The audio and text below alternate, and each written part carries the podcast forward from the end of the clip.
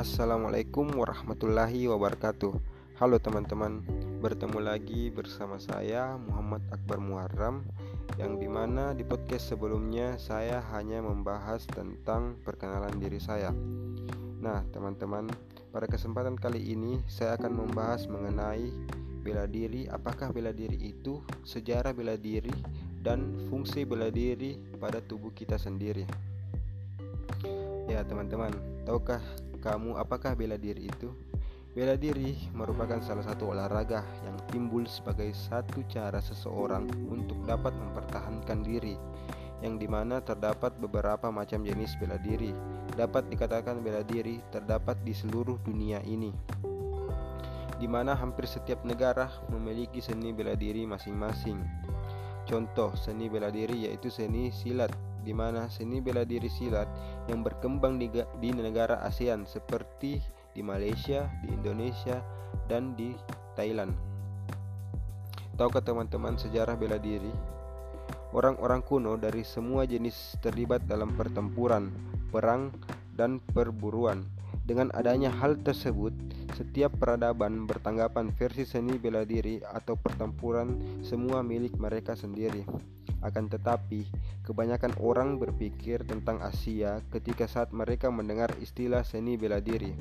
Bersamaan dengan itu, sekitar tahun 600 sebelum Masehi, perdagangan antara India dan Cina berkembang.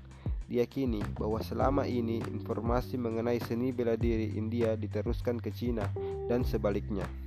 Menurut legenda, seorang biksu India yang bernama Bodhidharma memfasilitasi transmisi Chan Cina atau Zen Jepang ke Cina ketika ia pindah ke Cina Selatan.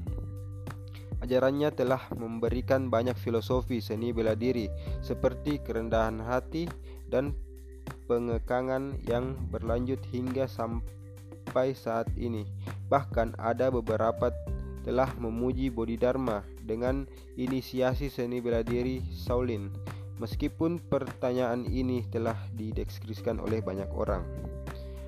Tahukah teman-teman ada beberapa macam seni bela diri yang ada di dunia ini. Yang pertama anggar, yang kedua pencak silat, yang ketiga judo, keempat taekwondo, keenam kara, kelima karate, keenam wushu, ketujuh kungfu. Tahukah teman-teman teknik-teknik dasar bela diri?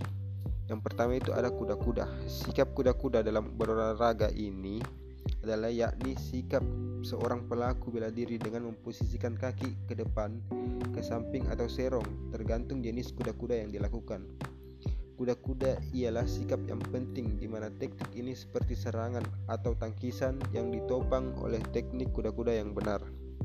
Yang kedua, teman-teman, ada tendangan. Tendangan yakni suatu serangan yang dapat dilakukan menggunakan kaki dan tungkai sebagai bagian komponen dalam melakukan penyerangan. Tendangan juga dapat dikatakan sebagai salah satu teknik untuk mendapatkan poin dalam pertandingan. Yang ketiga ada pukulan. Pukulan yaitu suatu serangan yang dapat dilakukan dengan tangan dan lengan sebagai komponen dalam melakukan penyerangan kepada lawan. Pukulan juga memiliki berbagai macam jenis dan variasinya sesuai dengan aliran dan jenis bela dirinya masing-masing. Manfaat bela diri bagi tubuh kita. Yang pertama, teman-teman dapat meningkatkan kesehatan dan kardiovaskular. Bela diri membutuhkan kamu untuk dapat berolahraga secara keras untuk melakukannya Olahraga yang berbeda dapat meningkatkan detak jantungmu sehingga membuatmu memiliki daya tahan kardiovaskular yang lebih sehat. Maka dari itu, olahraga ini sangat cocok untuk meningkatkan daya tahan kardio kardiovaskular tubuhmu. Yang kedua, untuk meningkatkan fleksibilitas teman-teman. Sebagai gerakan seperti high kicks, membanting dan mengelak ialah sebagai prinsip dasar bela diri. Melakukan berbagai macam gerakan dalam teknik bela diri seperti ini tentunya akan dapat membantu meningkatkan fleksibilitasmu yang di mana dengan kondisi tubuh yang fleksibel maka akan meminimalisir resiko cedera yang akan kamu miliki. Yang ketiga, membantu menurunkan berat badan teman-teman. Ya, bagi teman-teman yang merasa ingin kurus, ya boleh masuklah di bela diri ini. Boleh belajar seni bela diri. Bela diri ini juga memiliki aktivitas fisik intensitas sedang yang dapat membuatmu membakar 500 kalori dalam satu sesi. Banyaknya gerakan yang dilakukan dalam bela diri dapat membakar kalori lebih cepat. Adanya pembatasan jumlah makanan, maka hal ini akan membantumu untuk mendapatkan untuk dapat menurunkan badan teman-teman. Yang keempat ada bela diri menjaga kesehatan mental. Bela diri dapat menjaga kesehatan mental teman-teman.